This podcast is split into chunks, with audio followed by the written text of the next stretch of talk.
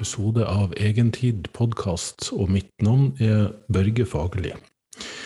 I dagens episode skal jeg snakke om en del forskning som er kommet. Det er faktisk en av grunnene til at jeg venta med til i dag. Vanligvis har jeg spilt inn og sluppet episoder på mandag. Eh, for å få inn en del sånn forskningsoppsummeringer som pleier å komme den første i måneden. Um, og så skal jeg snakke om, uh, ja, litt sånn kort om uh, hvordan du kan komme i gang med å gjøre ting. Uh, og gjøre det mest mulig effektivt. Litt sånn grunnleggende, bare sånn tanker, filosofisk pjatt, som jeg pleier å kalle det. og først av alt så føles det selvfølgelig litt rart å skal sitte og snakke om egen tid i en verden der det er krig i Ukraina. det er klimakrise og det er pandemi. Eh, det vil si pandemien er vel erklært som over nå. Det er faktisk nesten litt skremmende å se hvor eh, fraværende koronaviruset er fra nyhetsbildet. Eh, og det er fryktelig mye fokus nå på Russland som invaderer Ukraina, og ja, det som foregår der. Samtidig pågår det jo krig andre steder i verden, så da vi må kanskje ha litt i bakhodet her nå, er at vi er en krigersk rase. Vi uh, Mye vil ha mer. Uh, det er mye politikk, det er mye tradisjon, det er mye uh, stormannsgalskap. Store ego involvert, eller skjøre ego, kanskje, i større grad. Jeg skal ikke sitte her og filosofere og spekulere for mye om alt, men jeg opplever jo at mange er veldig redd. Mange er skremt. Du ser det i kommentarfeltene rundt omkring, eh, hvordan folk reagerer. Det er alt fra flokktilhørighet at ok eh, Må huske på at her er det en enkeltmann og myndigheter som har undertrykt en hel befolkning. Eh, så det blir litt sånn eh, synd, eh, faktisk, å begynne å skille ut de russere som en egen kategori. Fordi de aller fleste som bor i landet, er imot det som foregår akkurat nå. Det er greit å ha litt i bakhodet. Her er mye vi har for lite informasjon om til at vi skal bli for bastant. Eh, og for ikke å snakke om den der krenkekulturen igjen, som blusser opp igjen nå. der du, du, får egentlig ikke lov å verken si noe i en eller annen retning, eller i hvert fall ikke tulle og tøyse med det.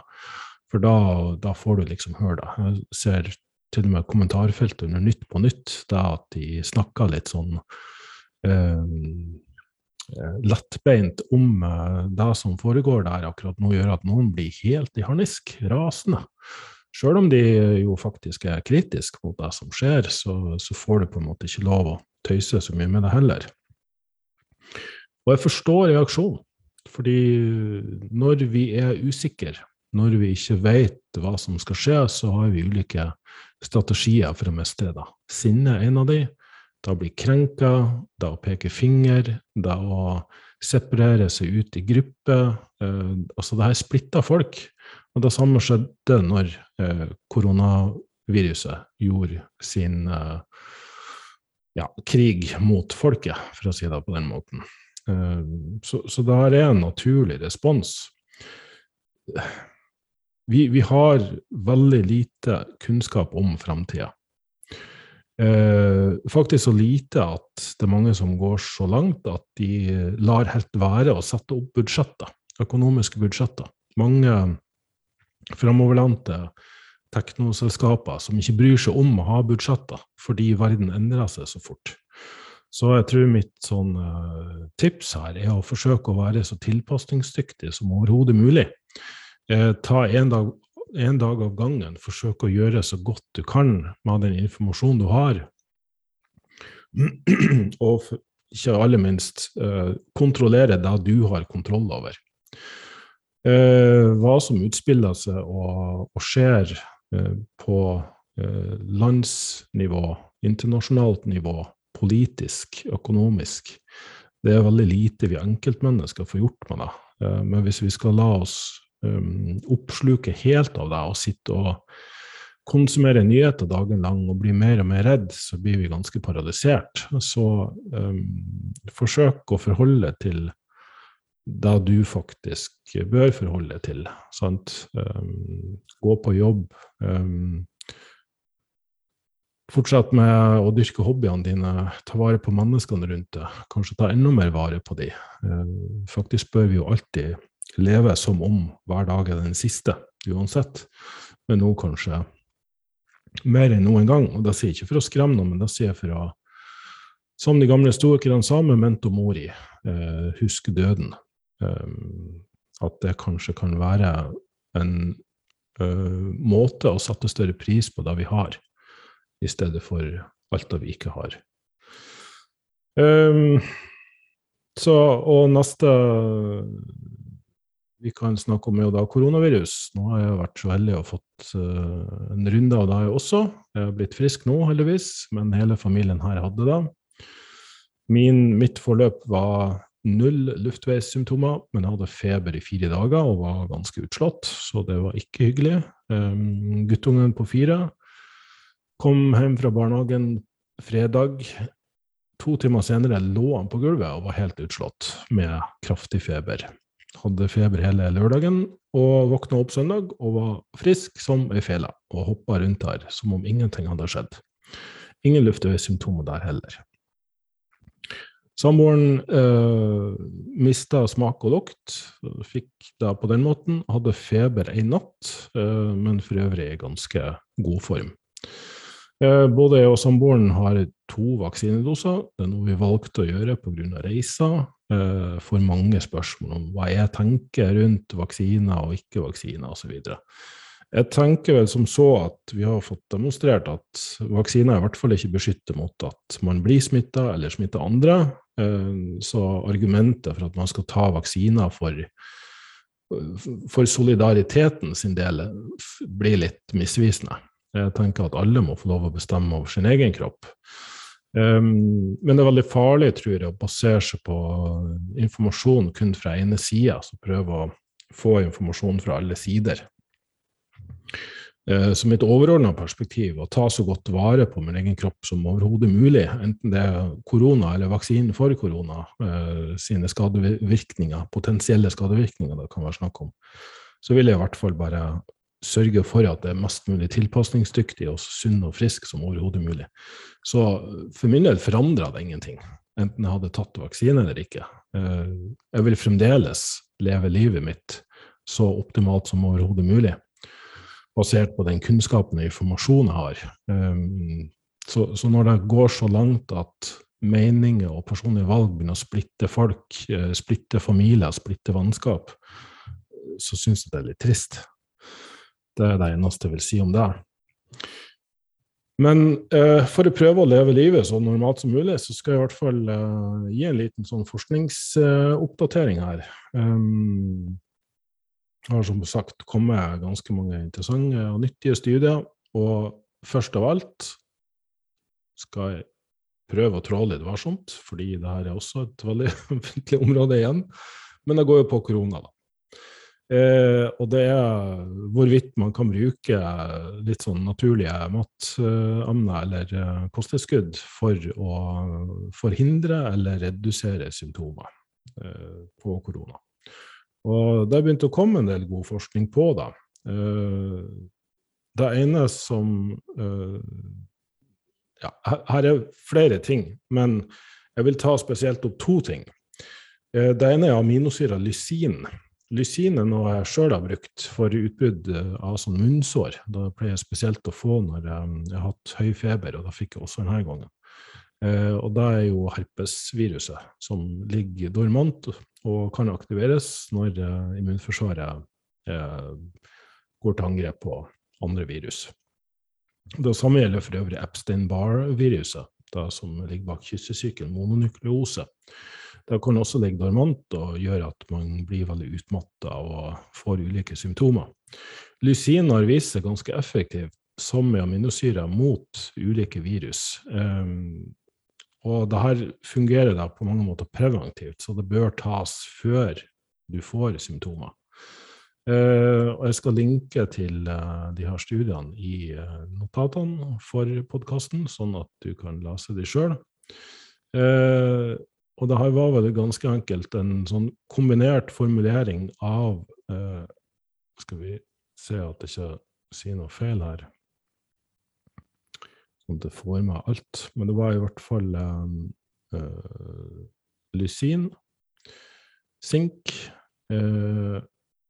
og ulike sånn derivater av sink fra ja, en sånn spesiell bark da, du kan lese sjøl. Kerestetin, eh, en eh, bioflavonoid, polyfenol, eh, også et matemne, skal sies, men når du tar det som kosttilskudd, så får du det i mye høyere konsentrasjon. C-vitamin, vitamin D3, vitamin E. Hver av de her har visst veldig variabel effekt, skal jo sies. For det er så mye vi ikke vet og forstår ennå. Men eh, det som var interessant akkurat her, er nettopp det med at lysin hadde en såpass eh, dramatisk effekt, der eh, faktisk eh, Altså det motvirka at kunne kun motvirke helt eh, og virke preventivt mot luftveissymptomer og eh, koronasykdom. og Lysin har jo da vist seg å ha tilsvarende effekt mot Epstein-Barr-virus og herpesvirus. Så derfor syns jeg det kan være lurt å ha i skapet. Eh, dosen som ble brukt her, var litt vanskelig å, å finne fram til, men jeg er ganske sikker på at uh, i hvert fall i de studiene jeg har sett før, så har man brukt opptil 2-3 gram, altså 2000-3000 milligram. Det er en vanlig kapsel som du får kjøpt uh, på ja, apotek eller helsekost er rundt 500 milligram, så vi snakker altså fire til seks kapsler. Uh, og da kunne man altså se en ganske stor forskjell på de som tok det her, og de som ikke gjorde det. Uh, og den neste studien var på aminosyre arginin. Arginin er kjent for at den kan eh, fungere som en vasodilator, dvs. Si utvide blodårene. Og den ble brukt når du først ble syk. Eh, og da covid har som eh, karaktertrekk er at det kan eh, tømme nivåene av arginin. Så det her gjør vel da at du opprettholder normale nivåer av arginin i kroppen. Det vil nok sannsynligvis ikke ha noen effekt, med mindre det her faktisk skjer.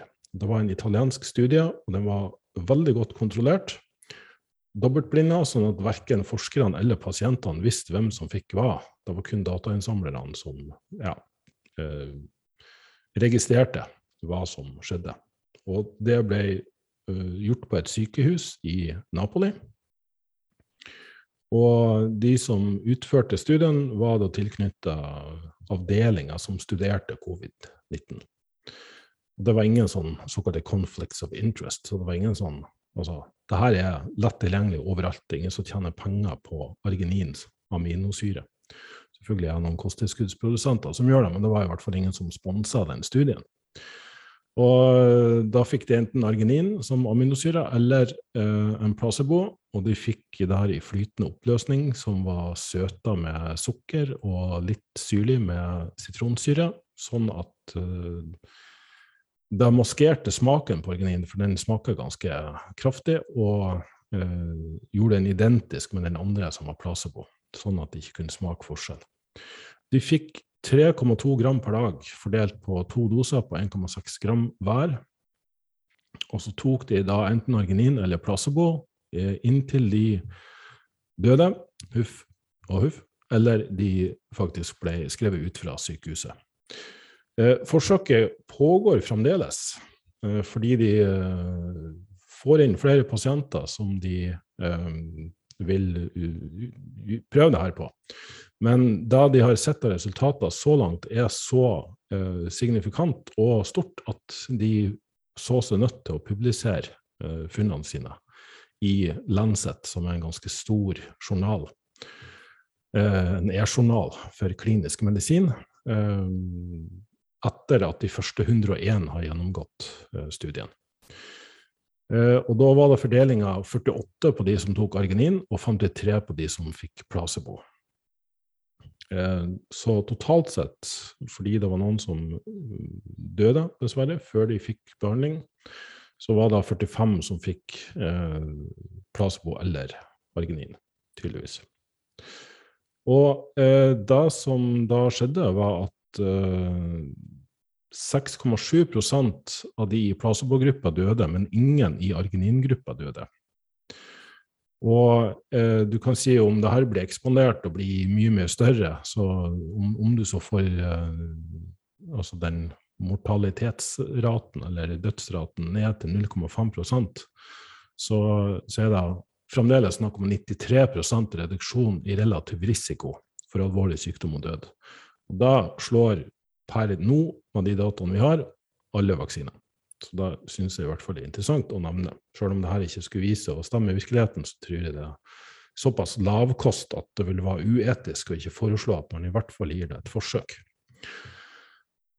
Eh, og mekanismen så ut til å rett og slett være eh, at, at, eh, at det øker eh, altså blodsirkulasjon, eh, vasodilat, vasodilatering vil si at du utvider blodåren, sånn at du puster bedre. Og bedre blodomløp vil også tilsi at du får bedre tilgang på næringsstoffer, og immunforsvaret fungerer bedre. Det åpner opp luftveiene, rett og slett. Og kan også redusere risikoen for eh, blodpropp. Så eh, linker til den også, så får dere se. Ok, eh, Neste er jo eh, min gode venn og kollega Menno Henselmanns har gjort en ganske omfattende studie på karbohydrater og eh, både muskelbygging og styrke. Og det har han gjort med to nordmenn. En er Fredrik Tonstad Vårvik, eh, en som jeg kjenner, kjenner, til. Jeg har hatt en del kontakt med han. Veldig dyktig, hyggelig fyr. Thomas Bjørnsen han er vel da også Norges idrettshøgskole, hvis jeg ikke tar helt feil.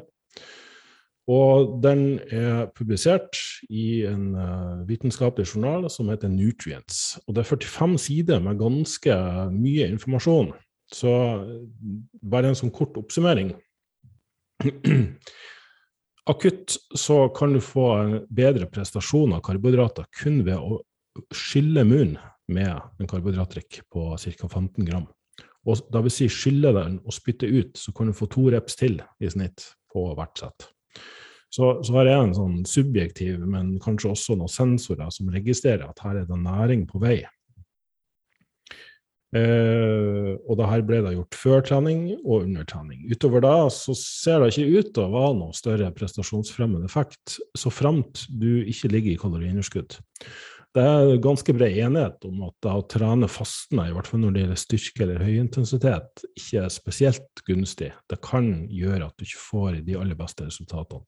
Jeg vet at det er mange der ute som trives best med det og føler seg mest klar i hodet når de gjør det, men ser vi på dataen, så ser det ja, så ser det ut til å være en åpenbar fordel ved å ha litt næring, om det som bare er noe lettfordøyelig proteinbasert, i hvert fall, og at du bare skyller munnen med karbohydratdrikk. Uh, juice eller noe sånt. Uh, og så har de prøvd aktivt å tømme glykogenlagrene sine og se da om at det kan være en fordel med karbohydrater. Så at karbohydrater fyller på glykogenlagrene, og da skulle man forvente at der hadde mye å si. Men sjøl uten inntak av karbohydrater så ville ei typisk styrketreningsøkt, om vi snakker helt opp til ti sett per muskelgruppe, som i min verden er altfor mye, men la oss nå si det, da tømmer glykogenlagrene eh, rundt 40% og etter 24 timer så er de tilbake der de var. Sjøl uten inntak av karbohydrater, så frem til å spise nok kalorier. Og Det er fordi kroppen har mange backup-mekanismer for å gjennomfylle glykogenlagrene. Eh, og studier som går over lengre tid, eh, ser heller ikke ut til å gi noe større fordel til eh, karbohydratinntak så frem til å spise nok kalorier. Eh, da vil jeg ikke dermed si at du skal ikke spise karbohydrater. Jeg tror fremdeles det er mange fordeler med å spise karbohydrater. Og så er jeg også helt sikker på at det er veldig individuelt. Eh, og det som ofte skjer når du kutter karbohydrater eller spiser lite av det, er at du ubevisst uh, spiser for lite kalorier totalt sett, med mindre du følger veldig med på hva du spiser. Eh, I tillegg er det andre studier som har kommet nå, som der de f.eks. så på en såkalt syklisk ketogen diett eh, sammenligna med en vanlig kaloriredusert diett som var balansert. Eh, og en syklisk ketogen diett vil si at du ligger på veldig lite karbohydrater gjennom hele uka, og så har du karbohydratinntak én til to dager i uka, der du karber opp, fyller på glykogenlagrene igjen. Eh, det var ingen som helst fordel til noen av diettene. Det de så, var at uh, de som gikk på en sånn ketogen diett, mista litt væske i uh, kroppen, som jo kan høres positivt ut, men det så da også ut til å redusere styrkeøkningene. De som gikk på en vanlig kaloriredusert diett, klarte faktisk å øke litt i styrke, mens de som fulgte den sykliske ketogene dietten, ikke gjorde det. Det er jo litt sånn oppsiktsvekkende. Eh, og da fører vi til neste studie, der de har sett på eh, faste, som jo er veldig populært fremdeles, og har vært det mange, mange år. Eh, og den her var veldig godt kontrollert. Eh, da er det grunnen til at det tar den opp, i tillegg til at den ble gjort på sunne, friske individer som hadde lav fettprosent. Eh, og måten det ble gjort på, var jo kanskje litt ekstrem. da, Det var ikke sånn begrensa spisevindu på åtte timer eller noe sånt per dag. Men eh, de hadde 24-timersfaste, der de på de dagene de tror det var når de trente, det ble ikke nevnt i abstrakte her. Um, men uansett, da, annenhver dag så spiste de 150% kalorier. Vil si 1,5 eh, ganger for å liksom kompensere for det, de 24 timene de ikke hadde spist. Det her blir som om du eh, spiser middag en dag, og så spiser du ikke noe mer for middagen dagen etterpå. Og at, at, det blir lagt opp på en sånn måte at totalt kaloriunderskudd i løpet av uka er på 25% Og det her ble da sammenligna med ei gruppe som spiste 25% underskudd konstant hver dag. Eh, I tillegg, bare for å sjekke om det her hadde med kaloriunderskudd eller ikke å gjøre, så var det ei gruppe som spiste dobbelt kaloriinntak annenhver dag. Det vil si at de lå på 100% av vedlikeholdsnivå. Eh, rett og slett vedlikeholdsnivå i kalorier, men de spiste dobbelt så mye kalorier ene dagen og null kalorier andre dagen. Sånn at eh, summen på uka var det samme.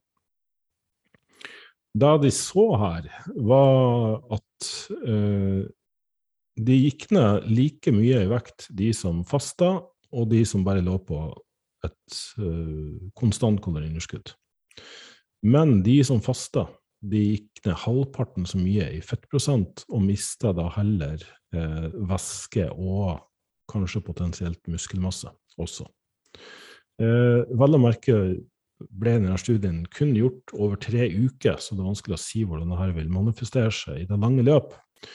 Men eh, etter såpass kort tid, og du allikevel så at det var um, For å si det sånn, da um, De som hadde konstant kaloriunderskudd, mista 1,9 kilo i snitt, og av det så var 1,75 kilo fettmasse. Mens de som fasta, de gikk ned 1,6 kilo, altså nesten like mye, men kun 0,75 kilo fettmasse. Eh, mens de som da spiste dobbelt så mye ene dagen og null andre dagen, faktisk vedlikeholdt kroppsvekta og fettmasse. Så det var faktisk ingen endringer. Eh, og de kunne ikke se noen større fordeler på noen metabolske parametere eller indikatorer ut fra blodprøver heller på det her med å faste. Så det er muligens et lite sånn skudd i baugen for de som eh, insisterer på at faste i seg sjøl har noen effekt, men det ser ut til at hovedparten av effekten oppnås fra kaloriunderskuddet i seg sjøl, og da kan du like gjerne velge det som passer det best. Noen trives bedre med å spise store måltider og så gå lengre perioder uten å spise, eh, men ha da i bakhodet at i hvert fall på folk med veldig lav fettprosent, så kan det her være for ekstremt. Det vil være til enhver tid en grense for hvor hurtig du kan mobilisere fett fra kroppen din. Og jo mer fett du har, altså jo større fettprosent, høyere fettprosent du har, jo mer kan du mobilisere av fettlagrene dine for å dekke et underskudd. Så jeg vil nok ha antatt at for folk med veldig høy fettprosent, så hadde de ikke Altså, de ville mista like mye fett som de som hadde konstant underskudd. Mens jo lavere fettprosent du har, jo mindre buffer har du for å dekke et kaloriunderskudd, og da er du straks mer sensitiv for tap av muskelmasse. Eh, og at kroppen rett og slett går inn og bremser opp både metabolisme og, og sørger for at du ikke går tom for energi. Eh, og det samme ser vi på de som eh, ligger i et litt for tøft kaloriunderskudd når de har, allerede har lav fettprosent. For ikke å snakke om de som kronisk ligger lavt på kalorier eh, når de har eh, lav fettprosent, og dermed forårsaker mange konsekvenser. Det har jeg snakka mye om i denne podkasten, så det skal jeg ikke gjenta meg sjøl på. Så de tre studiene sett opp mot hverandre gir vel en slags pekepinn på i hvert fall det her med å finne ut individuelt hva du trives best på, og unngå å gjøre for ekstreme ting, men at du selvfølgelig ikke trenger eller får nødvendigvis noe overtak av å spise karbohydrater. Eh, at det trenger ikke være så akutt. Eh, og ikke minst den gruppa da, som faktisk gikk helt uten mat én dag og spiste dobbelt så mye andre dagen og klarte å vedlikeholde eh, kroppsmasse og fettprosent. Det sto ingenting om muskelmasse, men jeg vil jo anta at det heller ikke hadde noe å si for muskelmassen. Så vi har en ganske tilpasningsdyktig kropp. Eh, det er greit å anerkjenne det. Um, men at faste i seg sjøl ikke nødvendigvis ser ut til å ha noe større effekt. Uh, hvorvidt det kunne hatt en bedre effekt hvis de hadde hatt et øye på nutrient timing, dvs. Si at de har plassert flere kalorier rundt treningsøkten, sånn at kroppen hadde mer å, å bygge av da, og så mindre kalorier etterpå. Det kan man kun spekulere i, men det vi har sett, er jo at den såkalte anabole fasen, da, den perioden du bygger muskler til treningsøkt, kanskje er litt lengre enn det vi antok.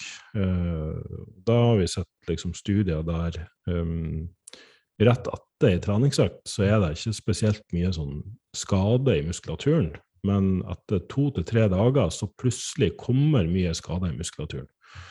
Og det har man tenkt at ja, men det, det er den rivinga og slitinga, mekaniske rivinga og slitinga i muskelen når du trener og løfter tungt, som gjør at eh, du får skade i muskulaturen. Men det ser heller ut til å være eh, kalsiumioner. Dvs. Si at når du driver og sliter i muskelen, så lekker det inn kalsium og lader eh, ioner. da som endrer på det metabolske miljøet i muskelen. Og rett etter trening så klarer kroppen å kvitte seg helt fint med veldig mye av de metabolske faktorene. Det, her, ja, det som brenner og svir da, når du trener, for å si det veldig enkelt. Er og samme etter 24 timer klarer å kompensere for det glykogenet som er borte. Så, så liksom alle de faktorene er på plass.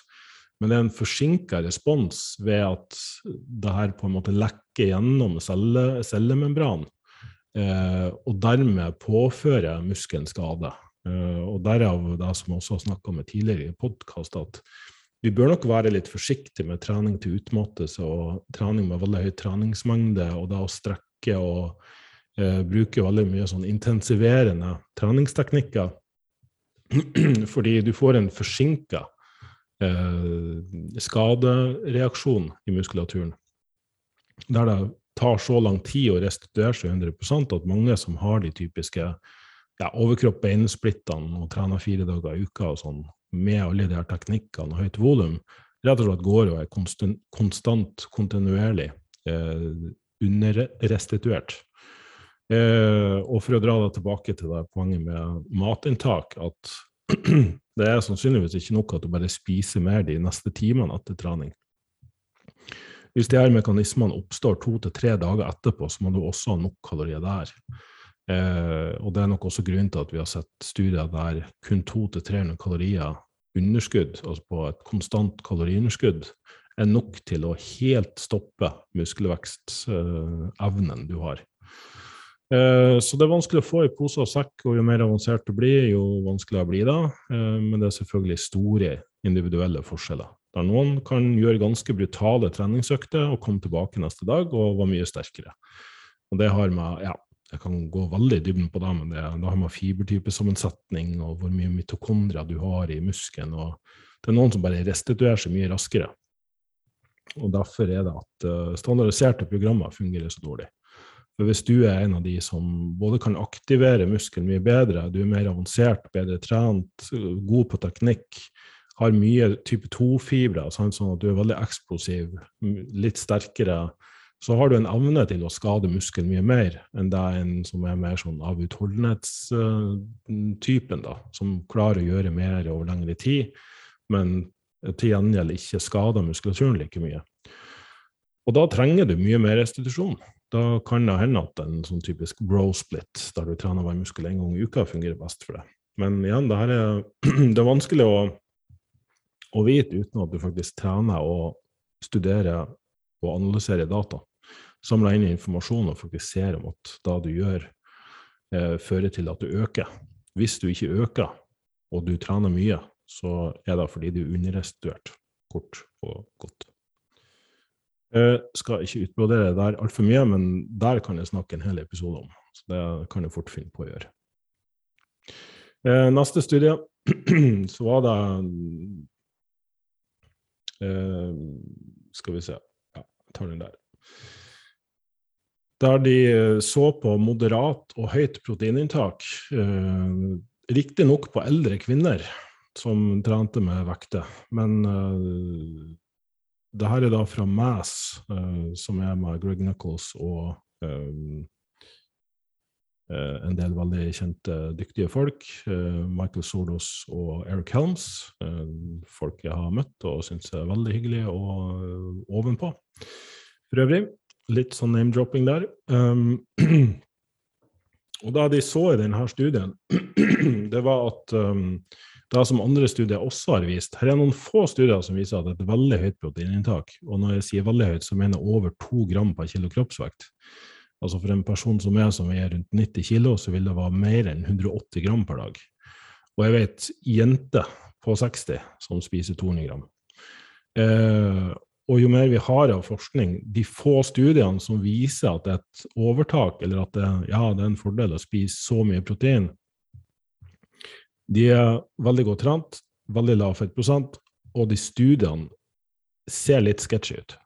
Bare la meg si, si det på den måten. Um, og da ser det egentlig bare ut til at det blir veldig dyrt drivstoff. At uh, protein kan omdannes til glukose, altså til til blodsukker um, og karbohydrat. Som da er grunnen til at du kan uh, fylle på glykogenreserver igjen etter 24 timer, så lenge du spiser nok protein og, og, nok fett og nok kalorier generelt. Og selv om du da ikke spiser karbohydrater, så kan protein omdannes til karbohydrater. Eh, og spiser du da mye mer protein enn det som er nødvendig, så, så får du ikke noe ekstra utbytte. da. Du bygger ikke noe mer muskler. Du, um, du brenner ikke noe mer fett. Det kan ha en mettende effekt, sånn som jeg snakka om i en tidligere episode. At protein er en av de mest mettende næringsstoffene eh, og matvarene.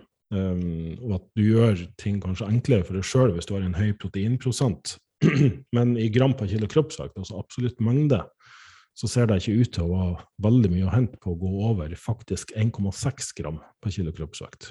Men tar du i litt og legger det på 2 gram per kilo kroppsvekt, så er du godt og vel innenfor det som uh, der det egentlig ikke er noe mer å hente.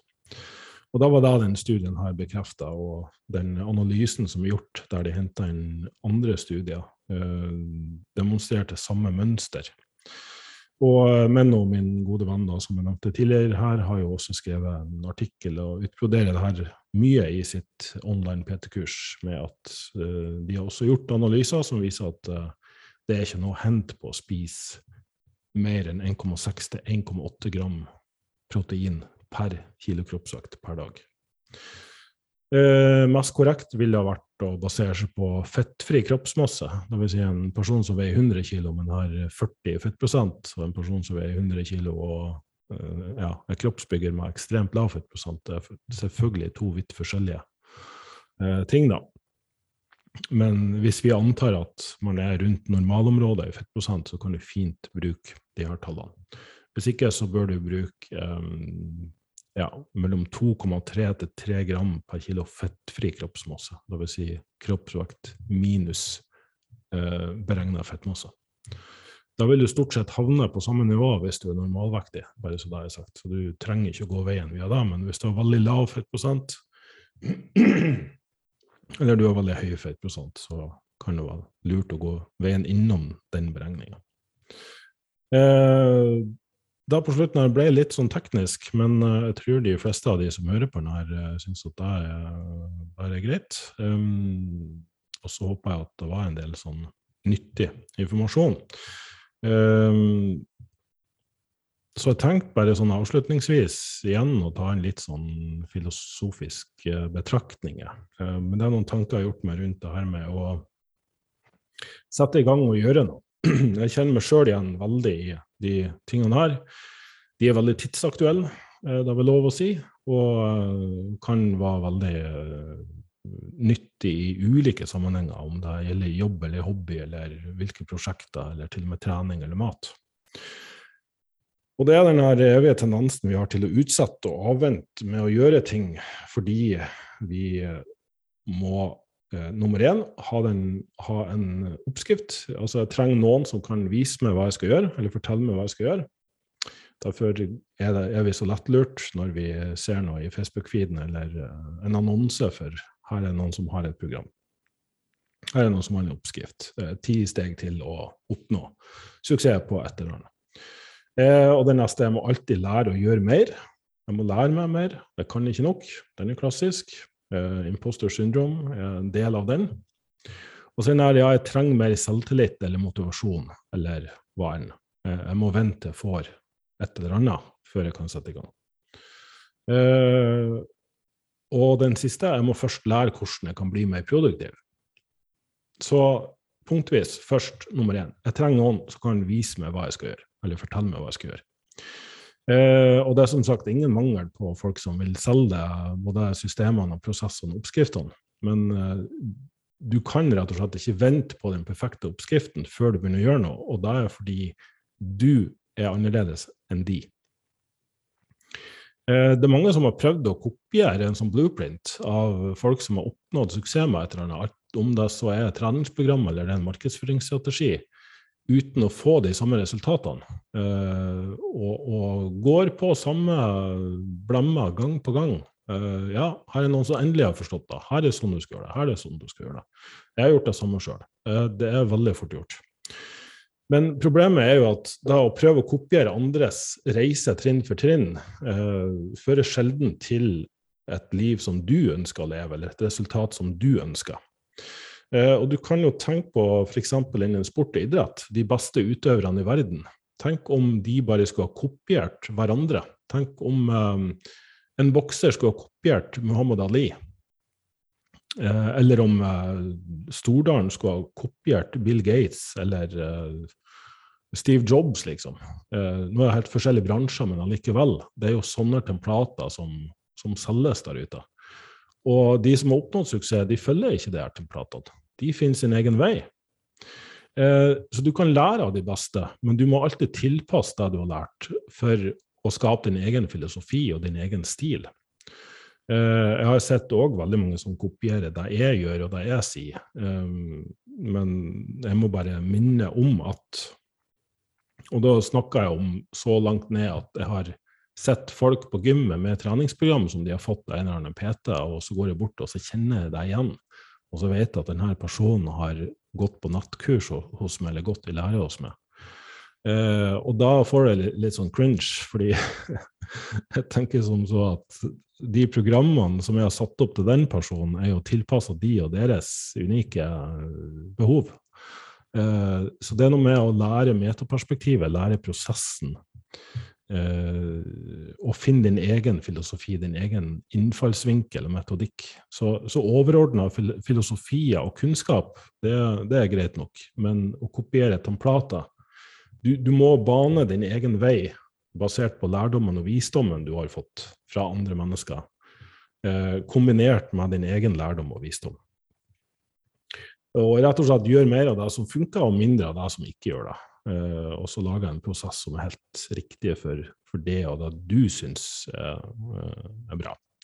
Så, så, slutt å kopiere. Uh, og da vil du også bli mindre forvirra, fordi det er så utrolig mange som virker som de har peiling på det de driver med, og da er det nettopp fordi du ikke uh, vet nok om konteksten de opererer ut ifra. Det neste jeg må alltid lære å gjøre mer. Den uh, går jeg meg sjøl veldig fast i innimellom, at det kan ikke nok. Eh, og så blir man fort såpass overvelda at det er fristende å bare sitte og scrolle på Facebook eller uh, se på TV. Prøve å slå av hjernen og bare stenge ute litt. Eh, og det er rett og slett det blir overveldende fordi det er så vanvittig mye man kan lære. Og Det er jo den klassiske Dunning-Kruger-effekten, at jo mer du lærer, jo mer skjønner du at du har å lære. Uh, så det, da blir en veldig sånn ond sirkel å havne i. Du blir bare mer overvelda og stressa og misfornøyd. Så, så det du trenger, det er mental klarhet.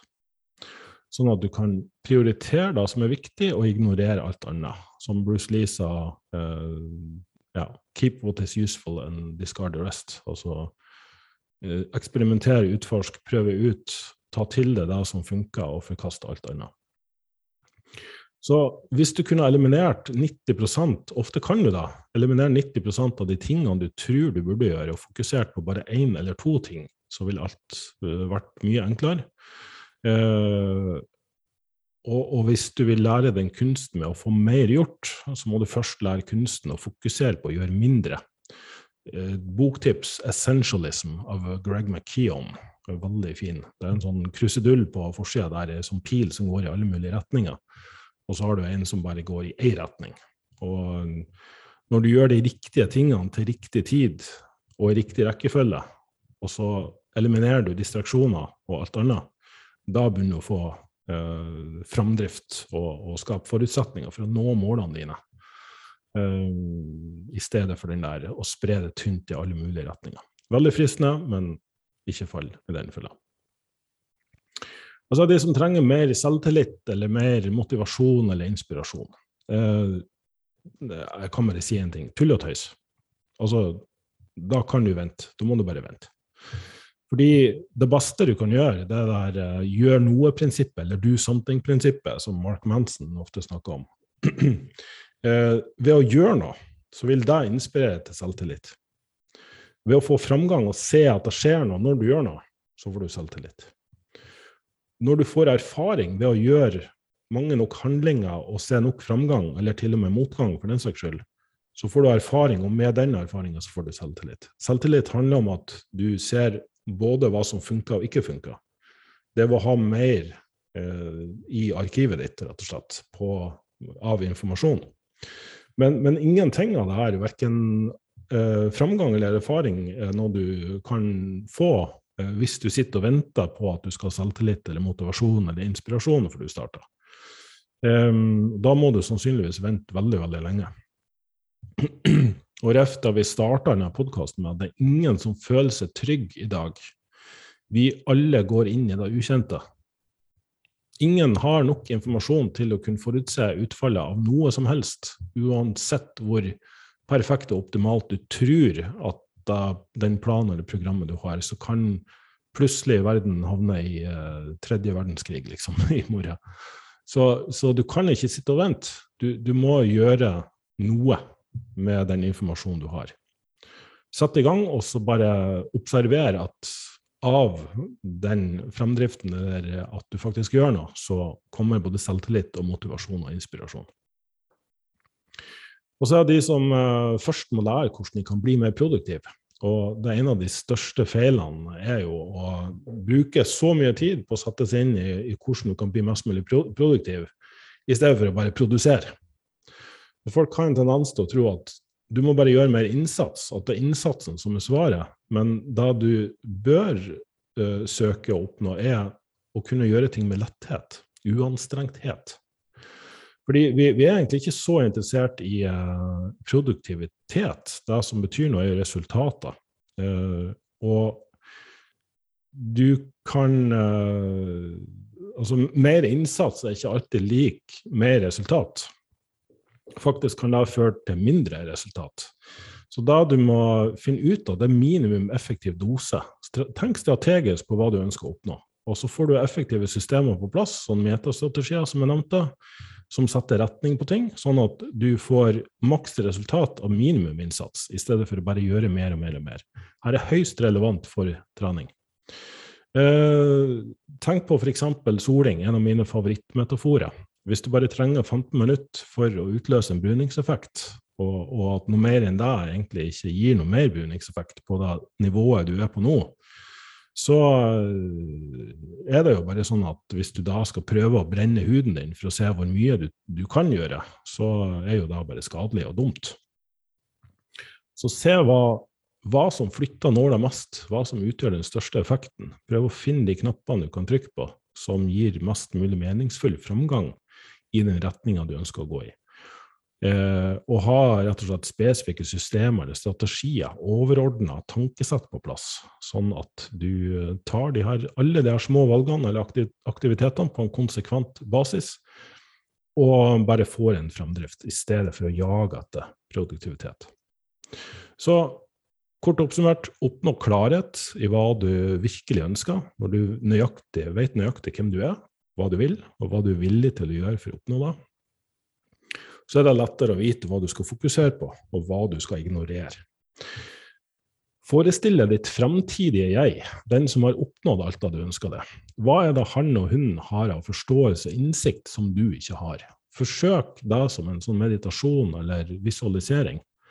Altså Forestill deg at du allerede har oppnådd den vektreduksjonen, den styrkeøkninga, eh, den framgangen i business, eh, den eh, altså eksamensresultatet eller jobben. Hva, hva, er det den personen der Forsøk å forestille at du allerede er der? Hva, hva, slags forståelse har de? Hva slags innsikt er det de har, som du ennå ikke har? Og bli overraska over hva hjernen din kan begynne å fortelle, eller underbevisstheten din. Nummer to, utvikle prosesser som er unike for deg sjøl. Lær gjerne av andre, men, men skap din egen filosofi. Eh, du bestemmer nøyaktig hva du trenger, og så lager du en trinn for trinnplan for å oppnå det. Eh, men igjen, strategier er alltid bedre enn å prøve å forutse framtida. Det å sitte og planlegge et program tolv uker fram i tid, jeg foretrekker å ha en overordna plan som kan justeres og endres underveis, i stedet for å tro at du vet nøyaktig hvor mye du klarer å løfte om tolv uker, f.eks. Maksimere resultatene dine og minimere innsatsen. Det høres litt rart ut, men poenget er at du, du må finne en minimum effektiv dose som gir en meningsfull framgang mot målene dine. Og så har du systemer på plass som, som gjør at du, du, holder på den rette vei, og ikke går i alle mulige retninger og sprer det sjøl altfor tynt. Så med det så vil jeg takke deg for at du hørte på, og øh, ønsker at alle der ute får uh, at den neste dagen og den neste dagen og den neste dagen blir så bra som den overhodet kan. Um, ta vare på dere sjøl, må jeg bare si. Uh, prøv å holde fokus på nåtid. Hvis du tenker for mye på fremtid, så er det fort gjort å bli stressa og bekymra uh, over alt som ikke har skjedd, eller potensielt kan skje. Uh, og det er ikke et sånt hyggelig sted å være. Så, så få deg referansepunktet på at ved at du bare er her og nå og forholder deg til det som skjer akkurat her og nå i dine omgivelser, så har du ro. Overraskende nok. Ha en fortsatt strålende dag videre.